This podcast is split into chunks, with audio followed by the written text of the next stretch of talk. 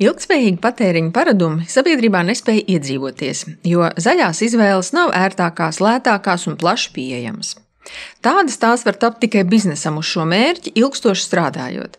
Savukārt uzņēmējiem stimuls investēt ir patērētāju pieprasījums un preču pakalpojumu noiets, kurš turas margināls, jo nav masu pieprasījumu. Tāds aburtais lokus. Kam pirmajam būtu jāspēr solis, lai to pārlaustu?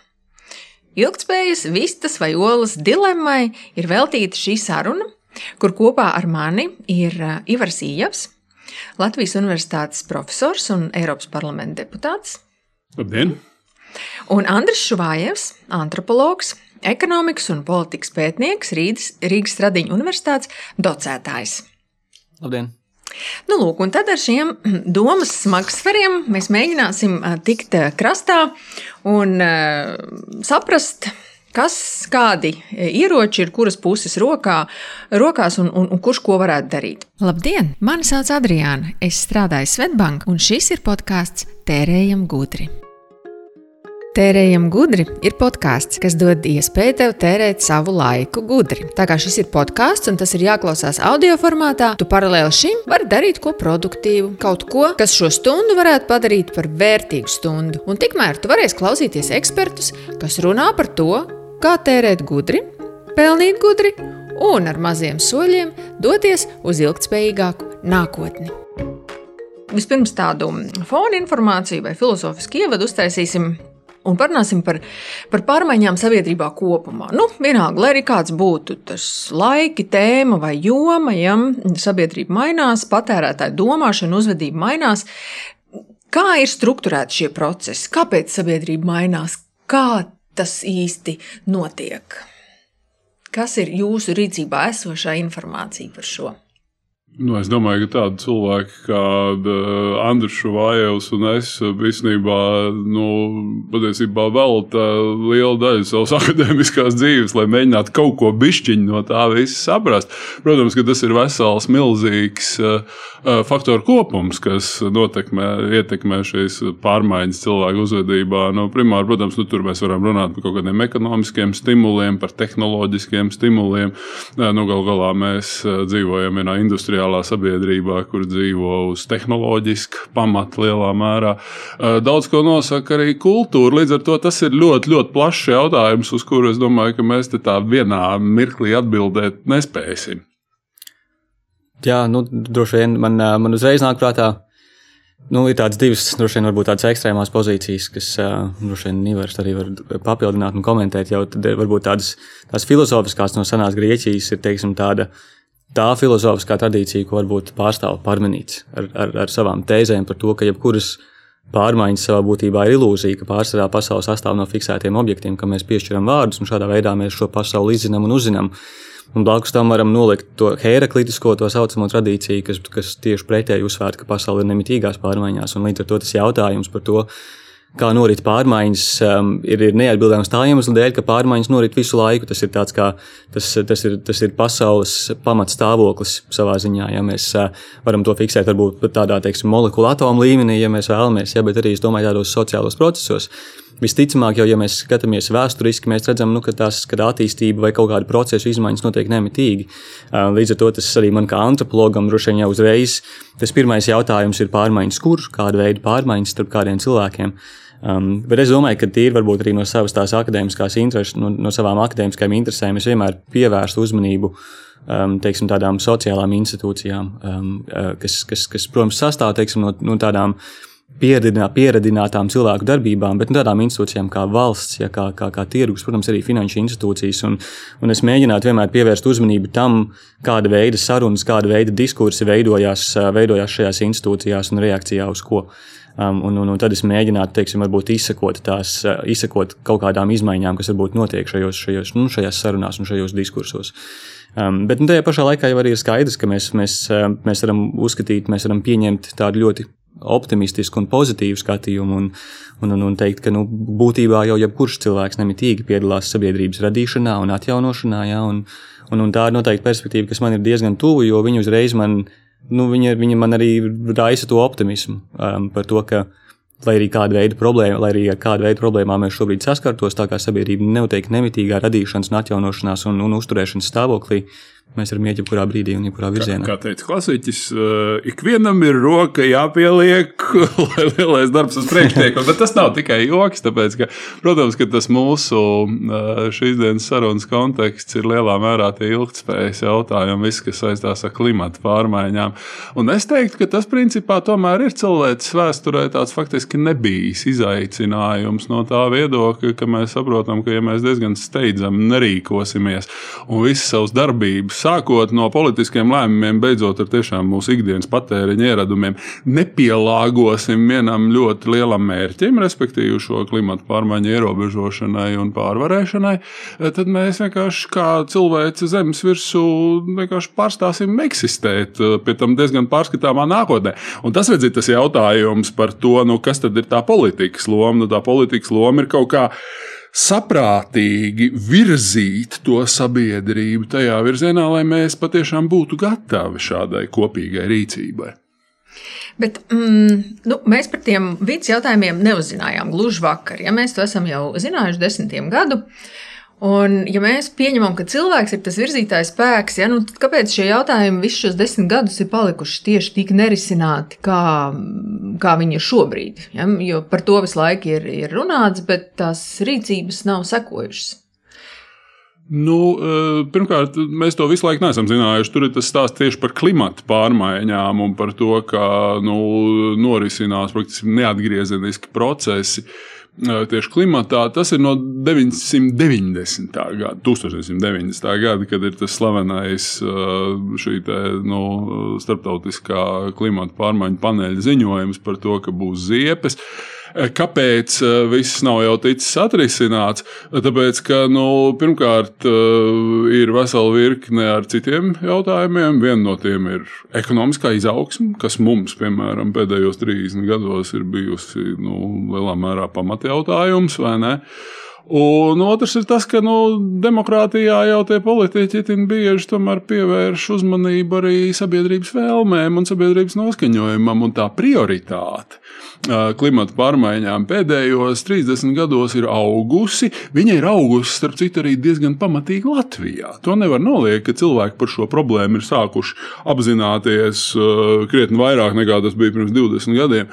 Bet nu, no otras puses, protams, mēs diezgan pamatīgi atpaliekam no tā Eiropas vidējā līmeņa. Līdz ar to mums nu, tā cilvēka ikdienas dzīvē nav vai ļoti reti ir ļoti nozīmīga prioritāte. Kā rezultātā ļoti daudzas no tām lietām, par ko mēs runājam, tad, kad mēs tur runājam par nepieciešamību tur uz atjaunojumiem energoresursiem pāriet, uz nepieciešamību siltināt dzīvojamās ēkas un tā tālāk. Un tā tālāk. Ļoti daudz kas no tā cilvēkiem nešķiet īpaši aktuāli. Nu, lai gan tā aktualitāte, protams, aug. Viņi nepārprotami aug arī Latvijā.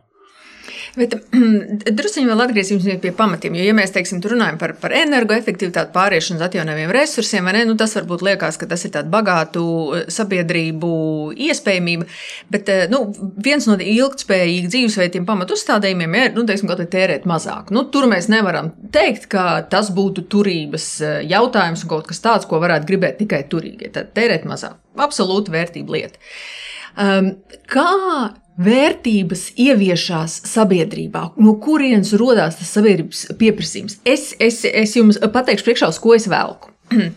Eh, vasaras vidū mm, mēs eh, Svetbanka taisījām vienu tādu eh, Baltijas sabiedrībās tādu viedokļu aptauju par ilgspējas jautājumiem un attieksmi pret ilgspējas jautājumiem, tur garu un plaši, bet kas bija ļoti interesanti. Šajā pētījumā tika izdalīta viena tāda nu, nu, nu, tie saucamie early adopters grupa. Ja? Nu, tātad uh, cilvēki, kas pēc kas ir kaut kādi 13-14% no sabiedrības. Eh, liela daļa no viņiem jaunāk par 34 gadiem, vīrieši, sievietes vienlīdzīgs dalījums, dzīvo lielākoties lielajās pilsētās, kādas nu Baltijā viņas ir. Un, un, un tad, protams, šī grupa ir tāda, kas daudz ātrāk reaģē uz, teiksim, nu, vienalga, vai tas būtu teiksim, kaut kāds jauns tehnoloģisks inovācija vai, vai, vai jaunas idejas, ievieš to savā mm, ikdienā, šajā konkrētajā kontekstā, tieši attiecīgi arī ilgspējas jautājumiem, bet viņi ir uh, ietekmīgi tādā ziņā, ka viņi ir uh, sociāli aktīvi, uh, dzīvo šīs vērtības, pauž šīs vērtības saviem radiem, draugiem, kolēģiem, kaimiņiem. Nu, un, un pateicoties dētām, mm, un, un, un šie pētnieki, kas mums vadīja šo pētījumu, uzskata, nu, ka tās vērtības, kas šai grupai ir šodien, mēs varam sagaidīt, ka teiksim, pēc gadiem, nu, tur 3, 5, kā tur kuros jautājumos, nu, viņas būs sabiedrībā daudz plašāk pārstāvētas. Vai šis ir tāds tipisks scenārijs, kā kaut kādas vērtības ienāk sabiedrībā? Droši vien, ka jā, bet es, es vienmēr uzreiz skatītos to tomēr kā mazliet tādu apusēju procesu. Nu, respektīvi, es, eh, Es, es noteikti var, varam iezīmēt kaut kādas sociālās grupas, kas teiksim, ir tādā institucionāli privileģētā stāvoklī, par kuru dzīves stilu un, un domām un, un, un, un darbībām mēs uzzinām vairāk nekā par citām, jo viņi tiešām teiksim, ir, ir, ir nu, kā tu minēji, sociāli aktīvāki, viņi ir redzamāki. Ja, līdz ar to teiksim, tās viņu darbību un domu imitācijas kļūst vieglāk iespējamas un, un līdz ar to arī pievilcīgas. Un, un, un, un atkal ar mūsdienu tehnoloģiskajām iespējām, ja, tas, tas atkal no vienas puses mums var šķist, ka kad, kad tās iespējas ielūkoties cilvēku dzīvēs mums ir tik lielas kā, kā nu, jebkad iepriekš. Ja? Um, tajā pašā laikā, man liekas, tajā var redzēt diezgan lielu tādu. Um, Es, es nedomāju, ka tur ir patiesībā pārāk liela dažādība pieejama attiecībā uz tam, kādu veidu, cilvēku, kādu veidu dzīves un domas cilvēki ierauga. Tas ir viens. Man liekas, ka, ka protams, ir institucionāli privileģētas grupas, kuras, kuras savā ziņā nosaka to, to sociālo toni attiecībā uz to, kas ir svarīgs. Bet nu, tajā pašā laikā skaidrs, ka tas nekad nav vienmērīgs un, un, un lineārs process, um, ka tikpat ļoti jau vienmēr veidojās rezistences, ja, un veidojās, um, veidojās ļoti um, mētiecīgi artikulētas alternatīvas um, um, šāda veida, teiksim, konkrēti, konkrētiem dzīves stiliem, ja, un, un, un, un, un, un, un teiksim, tādām intelektuālām arī izvēlēm. Um, un arī mēs varam arī vēsturiski raudzīties uz to, ka, teiksim, Es tieši konkrēti šobrīd domāju par cukuru, kā, kā šo vienu interesantu piemēru pasaules vēsturē, kur mēs varam redzēt, ka cukurs vienā brīdī Eiropā ja, kļūst par tiešām tādu, nu, viņš, viņš ir luksusa prece, kas, kas pārsvarā ir augstošu šķiru um, izmantota ja, un, un, un, un, un, un bez maz vai pielūgta. Un vienā brīdī viņi sāk ceļot mazliet lejā uz pārējām šķirām, ja, jo tur atkal ir dažādi merkantīli iemesli un tā tālāk. Bet nu, tik un tā veidojās kaut kāda, kaut kāda šī sociālā prakse ap šo konkrēto, um, ap šo kaut kādu konkrēto pārtikas sastāvdaļu, vai arī bieži vien viņi tiek formulēti pavisam citos veidos. Bet tas nenozīmē, atkal, ka tas process ir vienmērīgs. Tās prakses, kuras, teiksim, zemākās šķiras pēc tam sāk veidot par un ap, šo tā kā, piemēram, cukuru ja, vai, vai jebkuru citu lietu. Um, arī rada savu veidu modes tendences, kas kļūst stilīgas un, un, un, un, un, un tādas, kas liekas pievilcīgas atkal augstākajām šķirām. Ja, noteikti, vismaz manā, manā tādā perspektīvā, noteikti nemitīgi tāda procesa un doma apmaiņas starp, te, starp, starp teiksim, tādu centru un perifēriju. Um, tā, es nezinu, vai ir iespējams kaut kā identificēt konkrētu cēloni tādām pārmaiņām, um, tādu konkrētu pārmaiņu avotu. Um, atkal, it īpaši izējot no tās perspektīvas, ja mēs pieņemam, ka pārmaiņas notiek nemitīgi, un, un, un, un, uh, un tad tas jautājums ir drīzāk, kāpēc ir tik tiešām konkrēts process, konkrēts pārmaiņas, kas kļūst stiprākas, kas kļūst iedzīvinātākas, ja, kas institucionalizējas labāk nekā citas. Un, un, un, un te, protams, atkal tāda klimata un ilgspējas jautājuma ir lieliska prizma, caur kuriem par to domāt, jo tik tiešām Latvijā jau um, Latvija ir labs piemērs, kuros uh, nu, teiksim, šie jautājumi nav bijuši aktuāli. Uh, Bet es esmu pārliecināts, ka tuvākajā laikā viņi pavisam noteikti pēkšņi kļūs. Es domāju, ka šis gads arī tam bijis labs piemērs ar šīm dažādajām nu, klimata katastrofām, kas ir notikušas pasaulē. Viņas kļūst aizvien reālākas, aizvien izjustākas, īsta, īstākas. Um, viņš ienāk arī mūsu televizoros, un nu, tīri geogrāfiski nāk aizvien tuvāk. Jā, tagad jau, jau tie plūdi jau ir Vācijā, tie plūdi vairs nav kaut kur Okeānijas salās vai, vai ASV. Un, un, un, un, un, un es domāju, ka šādi objektīvi faktori ir tie, kas, eh, kas, protams, veicina to sociālo apziņu vairāk nekā jebkura cita sociālā grupa un viņu, viņu teiksim, dzīves izvēles.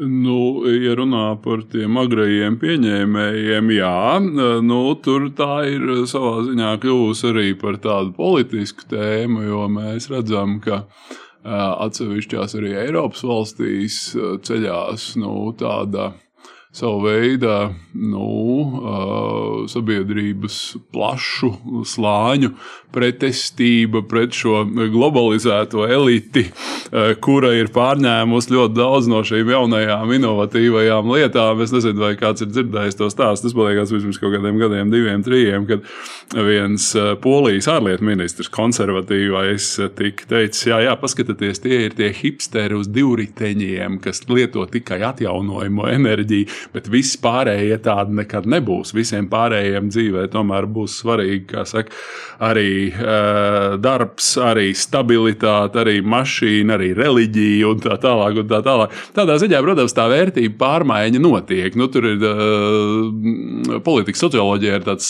stāsts par to vērtību pārēju no modernisma pie postmodernisma, kur modernisma pamatā ir tas nu, viss, kas saistās ar uh, materiāliem ienākumiem, materiālo labklājību, stabilitāti, autoritāti uh, un tā tālāk, un drošību. Ja, un tā tālāk. Nu, tad mēs pārējām pakāpeniski uz sabiedrību, kurai ir svarīgas drusciņi citas lietas, arī tā globālā atbildība. Piemēram, nu, cik mēs katrs jūtamies atbildīgs par klimatu pārmaiņām. Tas ir ļoti lielā mērā paudžu jautājums, un tāpēc mēs arī redzam faktiski to, ka jaunajai paudzei šīs tēmas ir krietni aktuālākas. Tur nu, arī lielā mērā tāpēc, ka tā ir kļuvusi par tādu nu, pietiekoši lielu hype tēmu?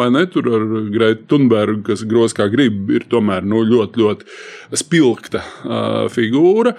Un tādā ziņā, bet ja runā par to, kas ietekmē, mēs savulaik.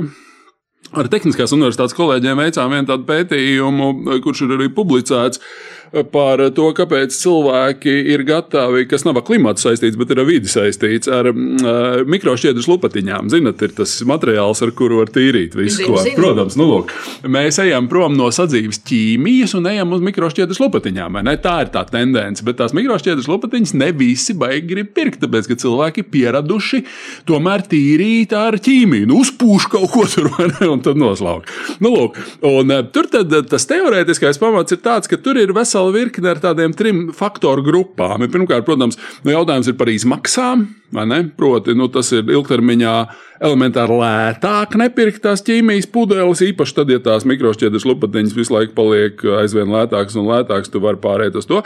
Otrs ir tas, nu, tā normatīvā pārliecība. Protams, es gribu rūpēties par vidi, es negribu tur kanalizācijā skalot to ķīmiju, es tomēr domāju par vidas ilgspēju. Un trešais ir tas, ko sauc par to peer pressure, respektīvi tas, ka, ja man apkārtējie cilvēki, ja man kaut kāda references grupa, ja man ģimene un draugi saka, ka tas ir pareizi un labi, vai ne? Tad tādā gadījumā es arī esmu gatavs pieņemt, uh, un tam ir milzīga nozīme. Īsnībā tādā ziņā mums patiešām Latvijā šis ir ļoti, ļoti izteikts, ka mēs skatāmies, vai manam kaimiņam tur pāri pa sētai ir tas vai nav tas. Un, ja viņam ir, tad es nedrīkstu viņam palikt iepakaļ. Ja mēs runājam par to agro pārņemšanu, kur ir tie, kas pirmie tur pērk kaut kādas elektriskas mašīnas, vai kas pirmie sāk šķirot atkritumus, vai pirmie tur kaut kādā citā veidā nu, domā par kaut kādām vidas lietām, tad tam ir milzīga nozīme. Un tas, protams, ir arī izmantojams dažādu zaļu iniciatīvu veicināšanā, lai parādītu, nu, ka tas nav kaut kas tāds, ko tev kaut kāda valsts grib uzspiest, bet tas ir kaut kas tāds, kas ir foršs. Mm. Es vienmēr esmu domājis par tiem jauniešiem un, un to viņu to, to uh, attieksmi pret vidas jautājumiem. Un, uh, Man ir divas teorijas. Labi, Grēta varētu būt uh, viens nu, tātad, šis pārmaiņu faktors. Bet es vairāk ticu tam, ka viņi sociālajās zinībās, skolās, droši vien super garlaicīgā veidā, bet tomēr mācījās par, par klimatu, par uh, atkritumiem uh, un, un visas šīs lietas.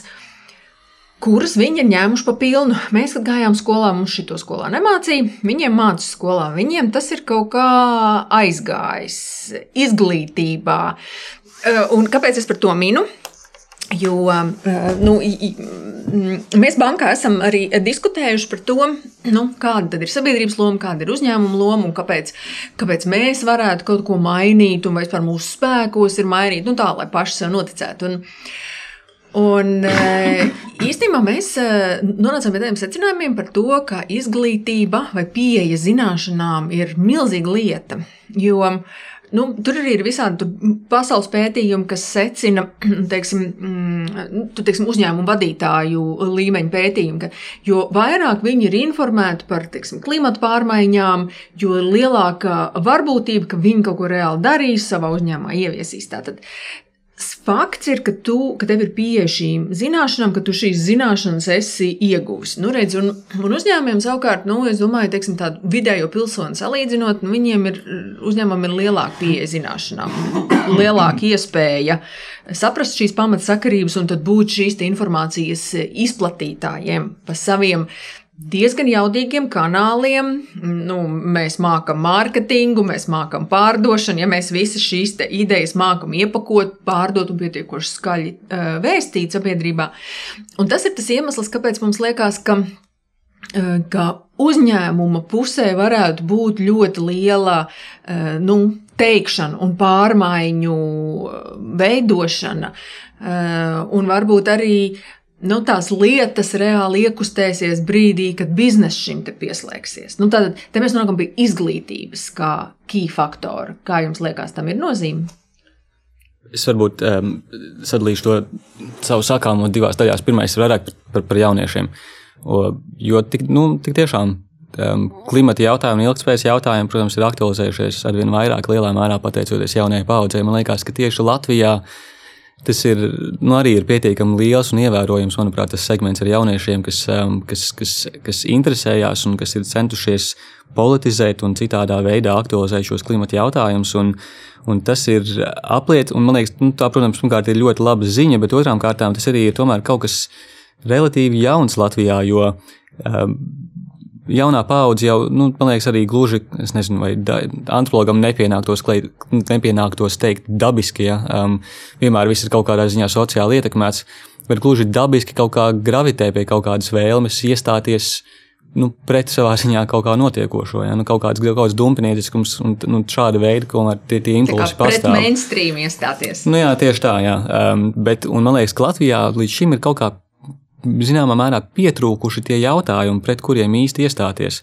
Un, ja mēs skatāmies teiksim, to manu paudzi, ja man tagad ir 30 gadi, un es, es, es teiksim, esmu to, gan to 90. gadu bērns, ja, gan arī 21. gadsimta pirmās dekādas bērns.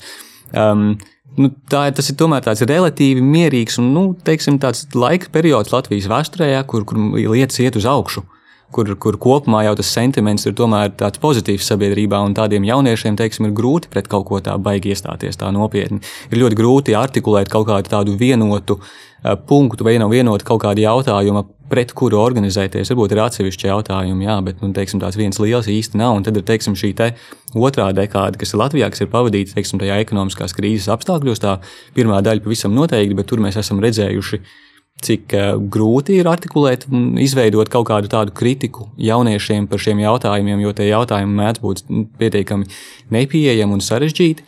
Savukārt, uh, klimats ir tas, ir tas intuitīvais, ja, kur, kur, kur detaļas ļoti sarežģītas, bet tā galvenā ziņa ir diezgan viegli saprotama, ja, kad, kad, kad mēs, mēs ejam nepareizajā virzienā, un tās pārmaiņām ir jābūt tiešām fundamentālām un ir morāli viegli to, to izprast, kā arī iestāties par to. Jo diezgan, var justies diezgan droši, ka, ja tu iestāsies par to, ka ir nepieciešams fundamentāls pārmaiņas, nebūs tā, ka tev kāds ļoti kritizēs. Ja? Um, un man liekas, tā ir tā, tas ir arī kaut kāds viens iemesls, kāpēc neizbēgami Latvijā šie jautājumi kļūs aizvien, aizvien svarīgāki tieši jaunās paudzes dēļ, kas, kas, kas kļūst aizvien politiski aktīvāki, manuprāt. Bet otrs saistībā ar, ar, ar uzņēmumiem. Protams, teiksim, gan tā pati izglītība, gan uzņēmuma kapacitāte un, un atkal tā viņu institucionālā pozīcija sabiedrībā, tīpaši, ja mēs runājam par lieliem, nevis maziem uzņēmumiem, protams, ir ar potenciāli ļoti lielu ietekmi. Tā mana skepse varbūt sākās tajā brīdī, kad mēs runājam par krīzes apstākļiem. Ka, ka teiksim, tādos miera, nu, relatīvos miera laikos, un to miera laiks liek tādās pēdiņās, uzņēmumi tik tiešām var, var tad, kad viņi spēj um, tad, kad viņiem, teiksim, tā, viņiem nav īpaši jāuztraucās par peļņas normām, par izdzīvošanu, ja, par kaut kādiem negaidītiem apstākļiem, viņi var plānot, viņi var pielāgoties, viņi var um, um, mārketot tās savas izmaiņas, vai ne, un, un, un, un šādā veidā sniegt to ieguldījumu sabiedrībā. Bet šobrīd, manuprāt, ir labs piemērs attiecībā uz pieaugušajām um, energoresursu cenām, konkrēti elektrības cenām un dabasgāzes cenām, kas notiek Eiropā un pasaulē. Mēs ļoti labi redzam, ka šajā brīdī uzņēmumi neobligāti tagad domās par to, kā būt ilgspējīgiem. Ja, un Spānija, manuprāt, ir izcils piemērs tam, kur tā, teiksim, šī problēma ir īpaši izteikta, kad, kad teiksim, Spānijas valdība pieņem lēmumu, ka šīm elektroenerģijas kompānijām ir nepieciešams atdot diezgan ievērojams vairākus miljardus eiro maisaimniecībām, lai palīdzētu maisaimniecībām izdzīvot šīs pieaugušās elektrības cenas. Un tas, ko dara šie uzņēmumi, ir viņi ļoti spītīgi pretojas tam un arī draud. Draud slēgt, piemēram, atomelektrostacijas, ja, kas varētu spēlēt nu, dažu cilvēku acīs kaut kādu lomu šīs te, klimata krīzes risināšanā. Tagad, tiklīdz mēs runājam par tādiem ekstrēmiem gadījumiem, kā pēkšņi, kā šobrīd, ja, kad dažādu atkal objektīvu faktoru dēļ, kaut kādas atkal klimata krīzes dēļ ir, ir notikušas kaut kādas piegādes problēmas, ja ir sabojāts kaut kādas infrastruktūras, ir pieaugušas pieprasījums Āzijā, pēkšņi ir, ir samazināta produkcija gan Norvēģijā, gan Krievijā un tā tālāk. Mēs saskaramies ar mazāku piegādes apjomu pēkšņi uzņēmumiem ir jādomā par izdzīvošanu, par to, kā viņi var nodrošināt savu atkal komercdarbību. Ja? Un tajā brīdī mēs saskarsimies visticamāk ar konfliktu, kad, kad, kad, kad teiksim, šī ilgspējas lēmums atkal arī uzņēmumam nebūs tas komerciāli izdevīgākais. Un tajā brīdī man ir droši vien tās šaubas par to, vai uzņēmums var būt tas atslēgas spēlētājs tajā, tajā visā problēmā. Nu, e, uzņēmēji droši vien raugās uz Eiropas Savienības zaļo kursu līdz 2050. gadam panākt klimata neutralitāti. E, uzņēmēji, protams, ir atslēgas spēlētāji, jo ir skaidrs, ka nu, tu nevari e, kaut kādā veidā gluži vienkārši ar politiskiem lēmumiem panākt šādu situāciju. Tev ir nepieciešams, lai biznesa strādā kopā ar tevi. Un, uh, tur tad ir nu, jautājums, atkal, kādā veidā mēs radām uh, nosacījumus. Piemēram, uh, nu, Latvijas arī pazīstama tēma ir uzņēmumu, konkrēti ražotāju energoefektivitāte.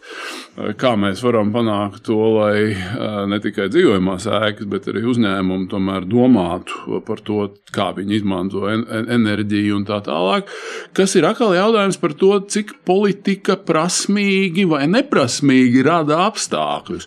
Otra liela tēma, protams, šeit ir inovācijas, jo mēs eh, droši vien, ka vismaz tajā eh, nu, noteikti, nu, nosacīti liberālajā skatījumā domājam noteikti, ka šī klimata pārmaiņa ierobežošana nevar notikt tikai ar kaut kādiem aizliegumiem, un jauniem nodokļiem un dažāda veida nu, cilvēku ierobežojošām darbībām. Ir ļoti daudz, kas ir jāliek iekšā gluži vienkārši inovācijās. Nu, piemēram, ja runā par atjaunojumiem energoresursiem, tad tur jau patiesībā ir ierēķināts, ka ir tehnoloģijas, kurām ir prototypi un kuras ir nu, uzņēmējiem gluži vienkārši jāizstrādā līdz tādai pakāpei un jārada apstākļi un jāpalīdz viņiem izstrādāt tā, lai viņi kļūtu konkurētspējīgi. Nu, klasisks piemērs, protams, ir stāsts par kaut vai to pašu saules un vēja enerģiju, kas taču ir, es saprotu, pareizi, pēdējos desmit gados ir nokritusies cenā. Lielā mērā tieši konkurencei, brīvam tirgumam un, un privātai uzņēmēji darbībai par kādiem 80%. Tas nozīmē, to, ka principā tas ceļš ir pareizs. Nu, tur ir jautājums, uz ko mēs šobrīd skatāmies. Ir, protams, jautājumi par to saucamo zaļo ūdeņradi.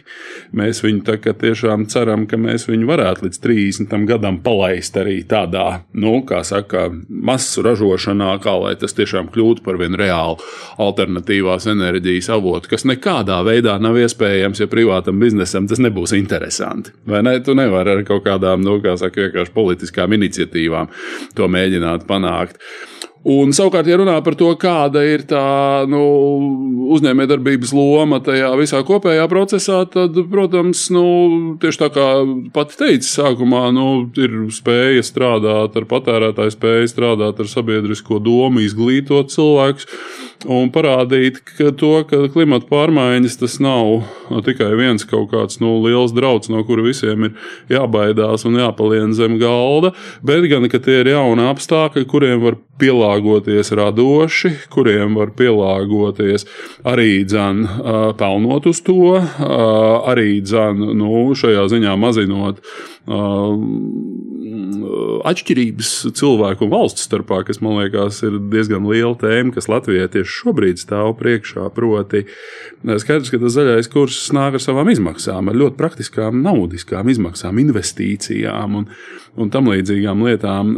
Kā tas uh, sasauksies nākotnē ar tām ne, nevienlīdzībām, atšķirībām, kuras jau šobrīd pastāv gan tur, nu, piemēram, mūsu iedzīvotāju starpā, gan arī dažādu Eiropas valstu starpā.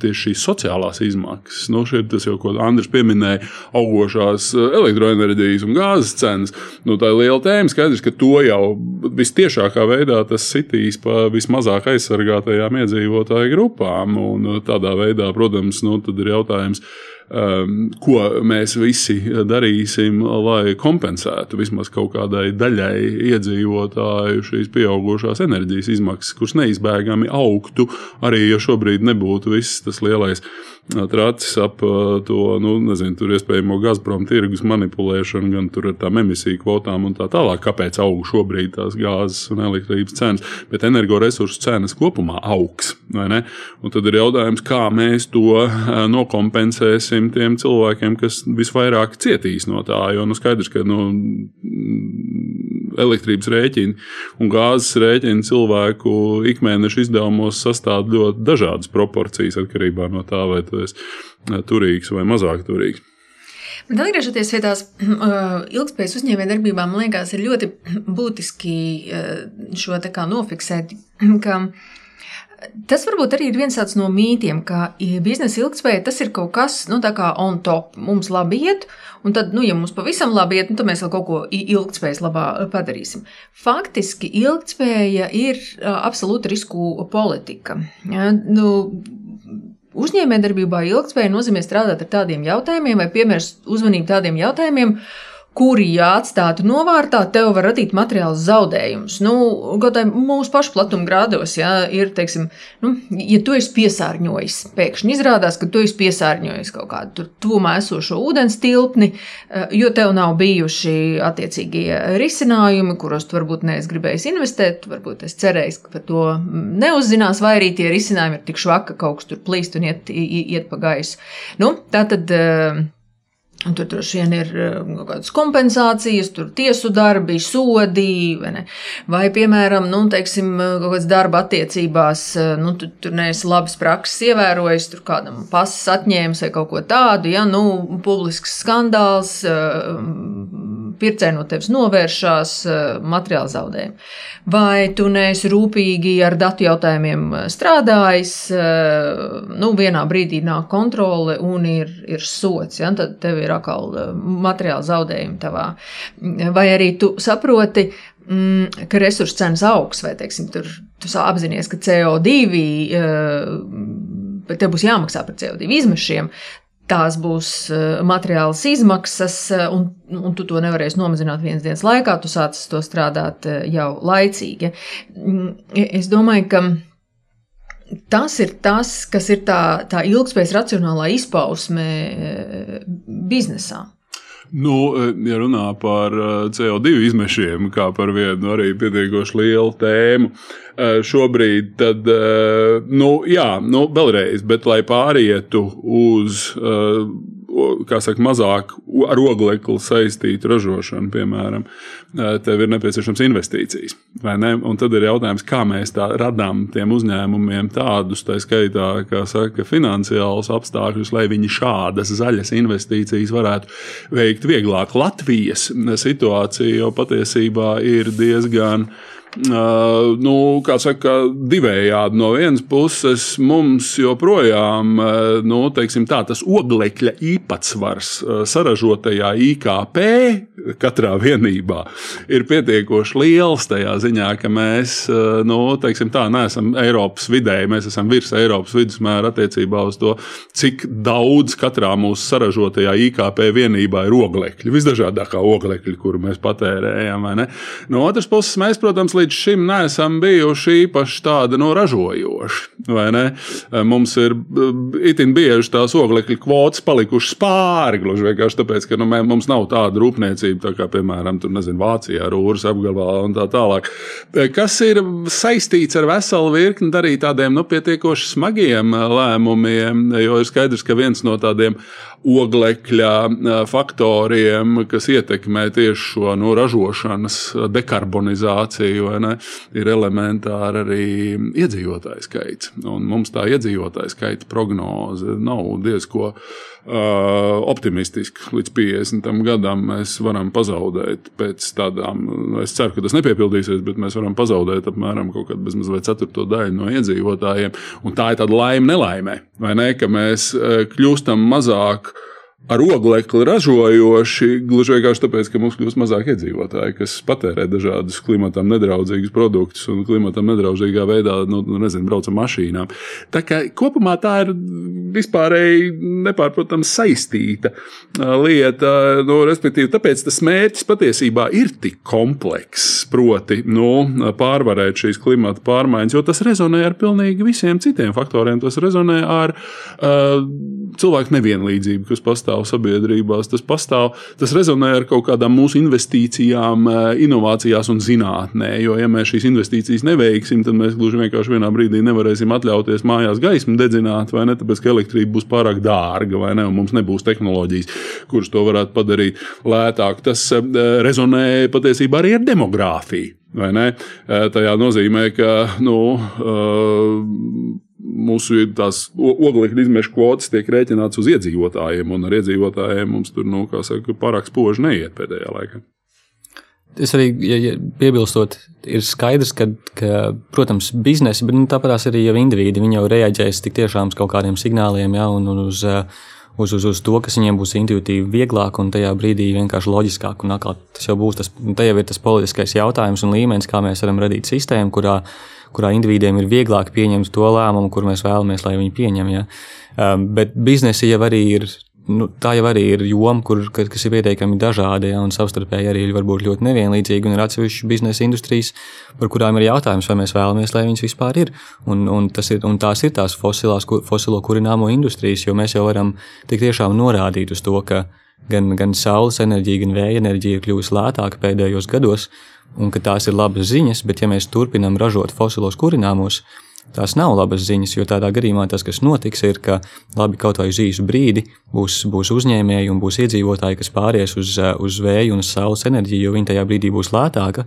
Bet, ja mēs turpināsim ražot šos fosilos kurināmos, tādā gadījumā cena kritīsies arī tiem, tiem resursiem, kas nozīmē, ka pēc kāda brīža atkal ekonomiski izdevīgāk būs vienkārši atkal sākt izmantot šos fosilos kurināmos. Tā kā tas ir sarežģītāks jautājums par to, kā mēs, ko mēs īsti darām ar šīm industrijām, jo arī nu, Baidena infrastruktūras plāns, kas, kas, kas lielā mērā tika izziņots vasarā, jau arī atkal lieliski parādīja, ka šādās krīzes situācijās kādā mēs esam pandēmijas kontekstā. Un, un, manuprāt, šobrīd jau mēs esam tajā brīdī, kad mēs pat īsti vairs nevaram skatīt jautājumu par klimata pārmaiņām nošķirti no pandēmijas. Jo Baidenam, Baidenam runājot un paziņojot par šo infrastruktūras plānu, mēs varējām redzēt, ka tur tika um, šajā plānā ierakstīti aicinājumi turpināt uh, urpšanas uh, plānus, meklējot gan gāzi, gan naftu, baidoties par to, ka šajā brīdī, kad ekonomika sāk atkopties pēc pandēmijas, uh, um, šie energoresursi ir fundamentāli nepieciešami, lai šī atjaunošanās varētu notikt pietiekami strauji. Mums jau ir atkal šīs institucionālās, institucionālie rāmji tādi izveidoti, ka vieglāk ir izmantot šos sliktos energoresursus. Un, un šajā brīdī sāk not, nu, mēs, mēs sākam sastapties ar šīm pretrunām, ka no vienas puses mēs vēlamies tikt no tām visām industrijām vaļā, bet tajā pašā laikā īstermiņā mums ir šīs īstermiņa problēmas, un īstermiņa risinājumi bieži vien ir tie, kurus mēs nevēlamies. Tas, tas ir eh, pilnīgi nu, arī Eiropas situācija, ir nu, spoguļattēls tam, ko Andris saka. Tajā ziņā nu, mēs gribam investēt naudu Baltijas valstu gāzes tīkla mm, savienošanā ar centrālu un rietumu Eiropas gāzes tīkliem. No vienas puses, tā kā droši vien nevajadzētu, vai ne? Tāpēc, ka gāze groza, kā grib, viņa varbūt ir draudzīgāka nekā akmeņoglis, bet viņa tas ir fosilais galvenais kurināmais, vai ne? No otras puses, nu, mēs te tā kā Latvijā tā kā justos tomēr labāk, ja mēs nebūtu tik tieši atkarīgi no tā Gazproma, vai ne, kas mums pumpē gāzi no tikai no austrumu puses. Nu, tad kā tad? Tas ir, ir šādas dilemmas, ir nepārprotami uz visiem stūriem sastopamas. Un tajā ziņā, protams, nu, ir jāsaprot, ka nu, īpaši jau demokrātiskās sabiedrībās, un grozs kā grib, nu, tā Eiropa un Amerika ir demokrātiski. Tiem cilvēkiem, kas ir pie varas konkrētā brīdī, ir nu, tomēr kaut kā jārēģē uz to, ko tā sabiedrība grib tajā mirklī. Kaut arī tas no kaut kādas ilgspējas viedokļa liktos varbūt nepārāk gudri, gluži vienkārši tāpēc, ka nu, mēs, mēs zinām, nu, kas, kas, kas var notikt ar planētu. Bet nu, tu jau nevari saprast, ka Baidens arī nu, domā par to, kāda izskatīsies tā viņa ekonomika. Vai ne pēc kaut kāda laika sprīža.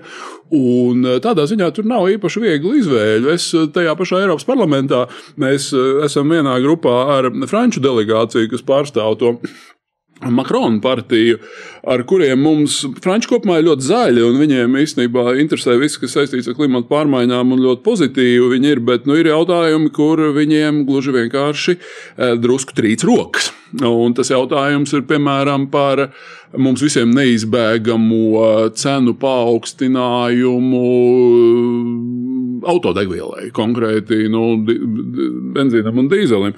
Un viņi jau, protams, arī ir par to, viņi saprot, ka nu, tas ir Eiropā un īpaši tādās valstīs kā mūsējā, tas ir milzīga daļa no CO2 izmešiem, kur tas auto un transporta sektors kopumā nav diezko zaļš.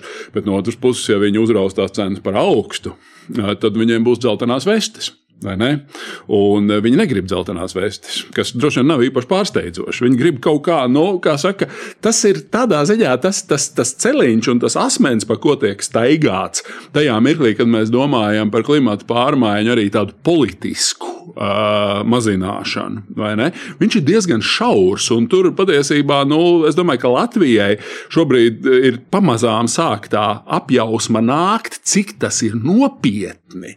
Jo mums ir tuvākie gadi, nu, tā plus mīnus tā uz uz, uz, uz, uz ātru roku piemetot, tur ir no 600 miljoni izmaksā iespēja to zaļo kursu gadā um, ieviest dzīvē. Nu, kas nav mazs cipars, un to visu nekompensēs Eiropas Savienības budžets, kura tur, protams, darīs daudz ko, nu, ko Eiropa savos ietvaros var darīt.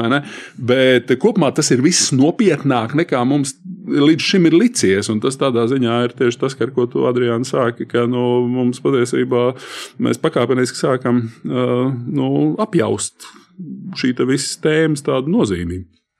Tas, kas laika pa laikam no jums izskan, ka nu, faktiski tā, tad, tas mūsu sākotnējais uzstādījums, cilvēks vai biznesa, tas nav tango starp cilvēku un biznesu, tās ir drīzāk tāds tautas dejas, tās, tās apļa dejas, kur dejo trīs, kur dejo cilvēks, biznesa un, un valdība un, un politikas veidotāji kuru mērķis tad ir, vai kuru uzdevums ir nospraust šos mērķus, iedot tos vajadzīgos stimulus un īstenībā arī nu, tad, tad dot to ieguldījumu inovācijās. Caur kurām arī šīs te, nu, zaļās lietas padarīt par pirmās izvēles, pieejamākās izvēles, ērtākās izvēles, jo tas ir tas, kur inovācijas tajā visā procesā iedod to savu pievienoto vērtību. Uh, Um, nu kā tad mēs īsti tiksim galā? Pa kādiem ceļiem un pa kādiem pārmaiņu procesiem mēs tad beig beigās tiksim pie zemu izmešu ekonomikas, ja mēs tā mēģinām varbūt sadalīt lomas, vai darāmos darbus, vai pienākumus, vai saklasificēt procesus, mēģinot rezumēt, ko nu mēs visi tagad esam uh, sarunājuši.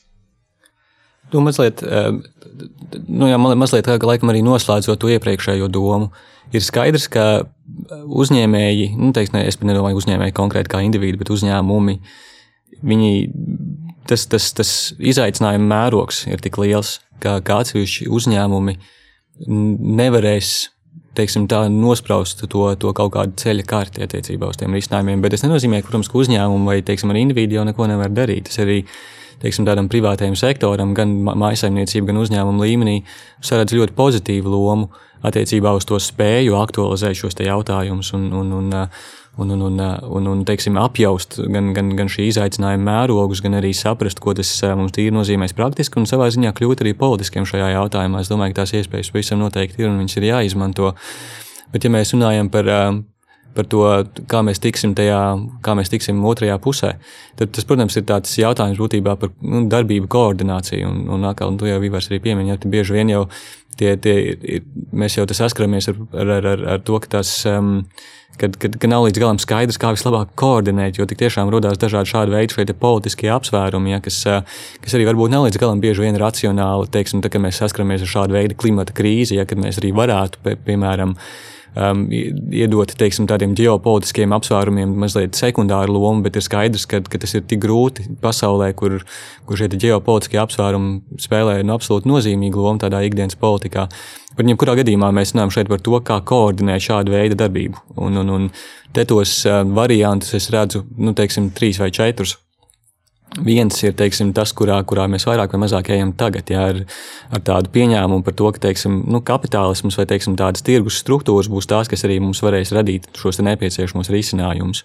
Um, kad gan, gan teiksim, radīt nepieciešamās tehnoloģijas, gan arī teiksim, ar, ar noteiksim, kaut kādu publiskā sektora atbalstu, arī šādas tehnoloģijas padarīt par kaut kādā ziņā komerciāli pievilcīgām un šādā veidā arī viņas īstenot. Es domāju, ka šajā ja, ja šāds pirmais variants ir visiem ļoti pievilcīgs, bet viņiem ir ļoti daudz nu, papildus izaicinājumu, kas saistās arī ar to, ko Ivars jau mazliet pieminēja, ar šo sabiedrības nevienlīdzību. Un gan ne tikai sabiedrības iekšējo nevienlīdzību, teiksim, tādā nu, arī Latvijas kontekstā, ja ir skaidrs, ka sabiedrība nav saliedēta, ir skaidrs, ka tās izmaksas, pārmaiņu izmaksas ir dažādi, ir, viņas, viņas, viņas ir diferencētas un viņas pārsvarā tik tiešām gulstās uz tiem, kas ir vismazāk spējīgi panest šīs izmaksas, bet arī nevienlīdzības starp dažādām valstīm. Un to jau mēs redzam arī tādas nu, šo, šos te, klimata jautājumos, ja, ka ir, ka ir G20 valstis, ja, kas ir atbildīgas par 80% no izmešu un kas ir, kas ir vismazāk patiesībā gatavās un spējīgākās. Vai nu, atkal, kur teiksim, tas lobby, lobbyis ir pietiekami spēcīgs, lai tās izmaiņas, um, nepieciešamās izmaiņas īstenotu. Tas ir pirmais variants, ja, kurš man šķiet pilns ar izaicinājumiem un arī ne ar līdz galam skaidrību par to, kā viņš īstenotos. Otrais variants ir tas, ko drīzāk iet Ķīna šobrīd, teiksim, tāds autoritārs. Uh, um, autoritārs, nu, es nezinu, vai mēs to Ķīnas uh, ekonomisko sistēmu saucam par sociālismu vai, vai, vai, vai vienalga kā. Viņiem arī tāpat ir privātais sektors, kurš ir pietiekami dinamisks un vibrants. Bet, jebkurā gadījumā, autoritārisms savā ziņā um, ir, ir saprotams, kāpēc Ķīna, Ķīna, jo Ķīna jau arī ir pasludinājusi, ka līdz 2060. gadam viņa kļūs par, uh, um, par brīvu no oglekļiem vai teiksim, klimata neitrālu. Um, viņiem tā spēja tomēr um, ir mobilizēt pietiekami daudz resursus, politiskās institūcijas, lai šādu veidu pārmaiņas ieviestu un īstenotu. Bet nu, ir skaidrs, ka teiksim, tādiem cilvēkiem Eiropā šāda veida tā pieeja var nešķist īpaši pievilcīga um, dažādu atkal to politisko tradīciju dēļ.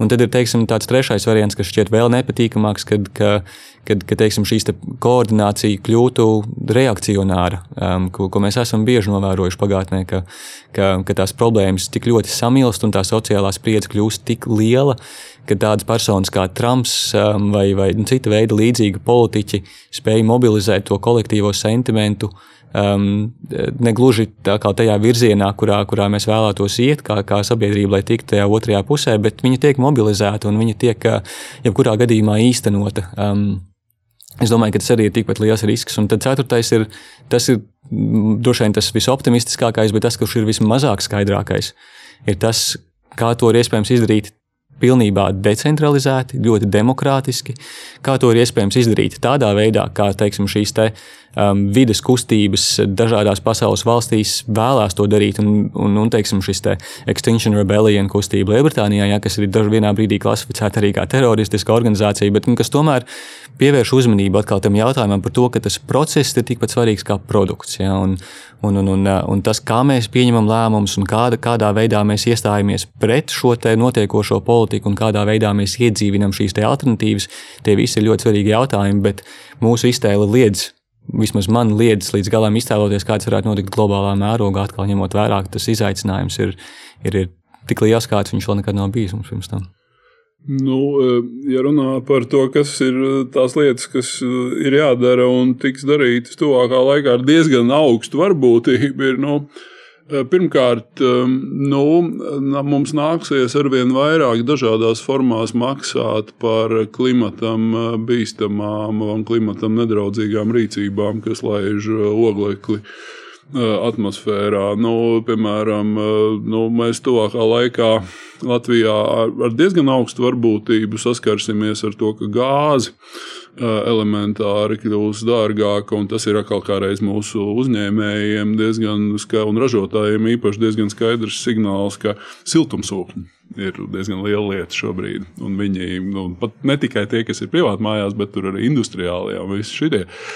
Citiem vārdiem, bet arī dažādos citos veidos nu, mēs dabūsim maksāt par to, ka mēs lēžam oglekli atmosfērā, kas līdz šim ir bijis. Nu, piemēram, mums būs arī dārgāk, es atvainojos, lidot ar lidmašīnām. Tas ir nepatīkami, bet es baidos, ka tas stāv mums visiem priekšā. Tur, uh, nu, labā lieta ir tā, ka mēs ceram, uh, ka pateicoties arī uh, biznesa interesē, bet, kā saka, smalki politiski, es principā vispār esmu par kapitālismu, un biznesa interesēji, pateicoties, mēs tomēr varēsim laist tirgu uz godīgas konkurences apstākļiem tādus, nu, tās tehnoloģijas, kas šobrīd šķiet ekskluzīvas, ka viņas kļūs aizvien pieejamākas, kaut vai runājot par tiem pašiem saules paneļiem un citiem, saka, alternatīviem enerģijas iegūs veidiem. Un uh, arī viss pārējā elektromobilitāte un tā tālāk no elektriskās mašīnas. Es nezinu, cik tur Svetbanka ir uh, leasingā iedavusi šobrīd elektromobīļiem naudu, bet es ceru, ka tas nākotnē būs stipri vairāk. Tā, tā ir arī oficiāli saka, valsts politika.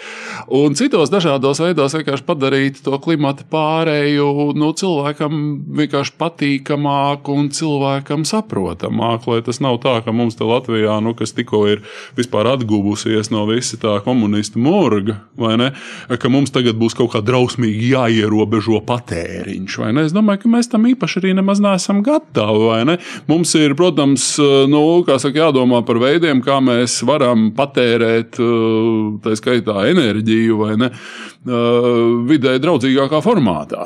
Un es domāju, tas ir tādā ziņā, tur ir visa nauda, ko Eiropas Savienība šobrīd iegulda arī inovācijās un pētniecībā, ir vērsta tieši uz to, lai mēs kaut kādas, nu, kaut vai lielais stāsts ir par, piemēram, baterijām. Uh, visdažādākām baterijām, sākot ar tām, kas ir mūsu mobilos telefonos, un beidzot ar baterijām, kuras varētu līdzsvarot uh, mūsu elektrotīklus tajā mirklī, kad nespīd saule un nepūš vējš. Ne? Tā ir lieta, kas ir ļoti interesanta biznesam. No otras puses, viņu arī diezgan būtiski ar to bateriju aliansi šobrīd dzen uz priekšu Eiropas Savienība ar, ar savām investīciju programmām un tā tālāk.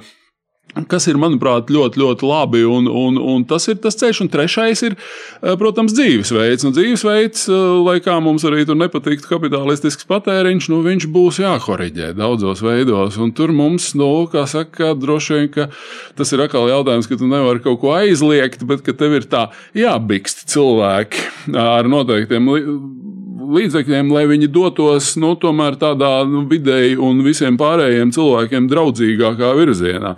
Nu, no tādiem piemēriem, tur, nu, piemēram, gaļas patēriņš, kurš ļoti daudziem, un man pašam, kas arī galīgi nav vegetārietis, tas arī liekas, nu, kā saka, normāli virtuves sastāvdaļa. Es domāju, ka tas varētu diezgan lielā mērā mainīties. Vai arī, piemēram, tādas praktiskas lietas kā drēbes. Jūs zinat to stāstu, ka patiesībā, nu, lai jūs gribat ilgspējīgi saimniekot un nepārtērēt tos resursus, mēs katrs no mums varētu gadā nopirkt astoņus apģērbu gabalus. Un tad nu, salīdziniet paši apmēram ar to, cik jūs paši pērkat? Un tu saproti, ka bišķi jau, nu, kā saka, liela daļa, nu, vismaz vidējais rietumu valstu pilsonis, ņemot vērā to, ka drēbes kopumā, nu, salīdzinot ar tiem pašiem komunistu laikiem, ir, nu, kā saka, kļuvušas labas un samā, samērā viegli pieejamas? Mēs pērkam vairāk. Ja? Tā ir tekstils, starp citu, diezgan liela lieta attiecībā uz piesārņojumu, vai? Un, nu, vai mēs esam gatavi kaut kā ierobežot? Ierobežot šīs lietas, un ka man nav tur, nu, kā saka, katru nedēļu jāpērk kaut kā, katru jā, jāsteigā pa veikaliem un jāšopingo pa, pa, pa kaut kādiem drēbju veikaliem, bet gan, nu, ka es saprotu, ka tas nav īpaši draudzīgi. Un tur tad nāk iekšā kā reiz visi šie antropoloģiskie aspekti, vai ne, kas to cilvēku uzvedību varētu mainīt. Ja? Jo tas noteikti nav tikai tas, ka tās drēbes kļūtu dārgākas, kas būtu elementāri netaisnīgi, ja? jo tas nozīmē, ka nu, trūcīgi cilvēki vienkārši vispār nevarētu atļauties drēbes nopirkt. Bet eh, gan eh, tas ir arī stāsts par to, ka ir vērtība, kaut kādas vērtību izmaiņas, kuras mēs jau, es domāju, kaut kādā līmenī šobrīd varam redzēt, ka nu, jaunā paudze tomēr nu, mazliet mazāk ir apsēsta ar tiem nu, vidējās paudzes, pie kuras, piemēram, es pats sev pieskaitītu pavisam drošu vāru vai ne tādiem nu, patēriņa standartiem. Nu, restīvi, ko nozīmē forši dzīvot, tad tev tur ir jābūt nu, saka, lielai mašīnai, vēlams reizes piecos gados jaunai, ar sešiem cilindriem, vai, ne, nu, vai arī nu, tur nu, vispārējie, kā saka, tradicionālie uh, patēriņa attribūti. Uh, tas mainīsies, un jo ātrāk mēs sāksim tam pielāgoties, jo mums pašiem vieglāk būs. Uh, jautājums ir, protams, ko tur var politiski darīt, un cik tomēr tur ir daudz arī, nu, kā saka, elementāri uh, biznesa un, un uh, dažādu pakalpojumu sniedzēju un preču ražotāju ziņā. Nu, cik lielā mērā mēs paskatāmies. Nu, Ir vesela virkne kaut kāda par tiem pašiem tekstilu uzņēmumiem. Tur jau mēs varam redzēt, nu, ka ir tomēr lielie, saka, kas ir pielāgojušies un uzsver to, ka viņi ražo zaļi un ka viņiem tomēr tas viss kaut ko nozīmē. Daudziem tas, es domāju, arī tas ar laiku kļūs par uh, vienu organisku sastāvdaļu jebkuram labam brendam, ka viņš tomēr pasvītros savu ilgspēju. Uh, jo nu, gluži vienkārši pieprasījums pēc tā būs lielāks. Es ceru, ka mēs. Nu, ideālo pasauli zīmējot, es ceru, ka mēs no, no katra no šiem ceļiem paņemsim labāko. Protams, ka nu, tirkus attiecības mūs līdz kaut kādam uh, posmam aizvedīs, un, bet vienā brīdī tomēr ir jāpieslēdzas šiem te, uh, politikas veidotājiem, lai piespiestu arī spērt tos nērtos soļus. Un tajā brīdī, protams, mēs negribam, lai tas eh, notiek eh, caur ultimātiem, ja, lai, tas, eh, lai, lai, lai šie mērķi tiek ie, iezīmēti, bet tomēr beigās nokalibrēti līdz tādiem vispār pieņemošiem, vispār pieņemamiem nu, teiksim, standartiem, bet arī nepazaudējot ja to sākotnējo uzstādījumu, nu tā, pilnīgi ideālā pasaulē. Um, Protams, tā, tā interesantā lieta ir par šo sabiedrības domu, vai tiešām mums izdosies um, tos patēriņa paradumus pārveidot tā, ka viss joprojām būs tikpat ērti un, un patīkami, un ka mēs vienā brīdī vienkārši attapsimies, ka mēs esam uz pavisam uh, citā patēriņa uzturā, uz tā ilgspējīgā patēriņa uzturu, un mēs to nemaz neesam jutuši, un to visu tās inovācijas un, un, un jaunie ceļi, mm, kas būtu skaisti un vēlams. Eh, jautājums, vai, vai, vai eh, tā tas būs. Uh, bet tas jau būs uh, droši vien atkal citas sarunas tēma. Paldies par šo domu apmaiņu. Līdz citai reizei. Paldies! Paldies.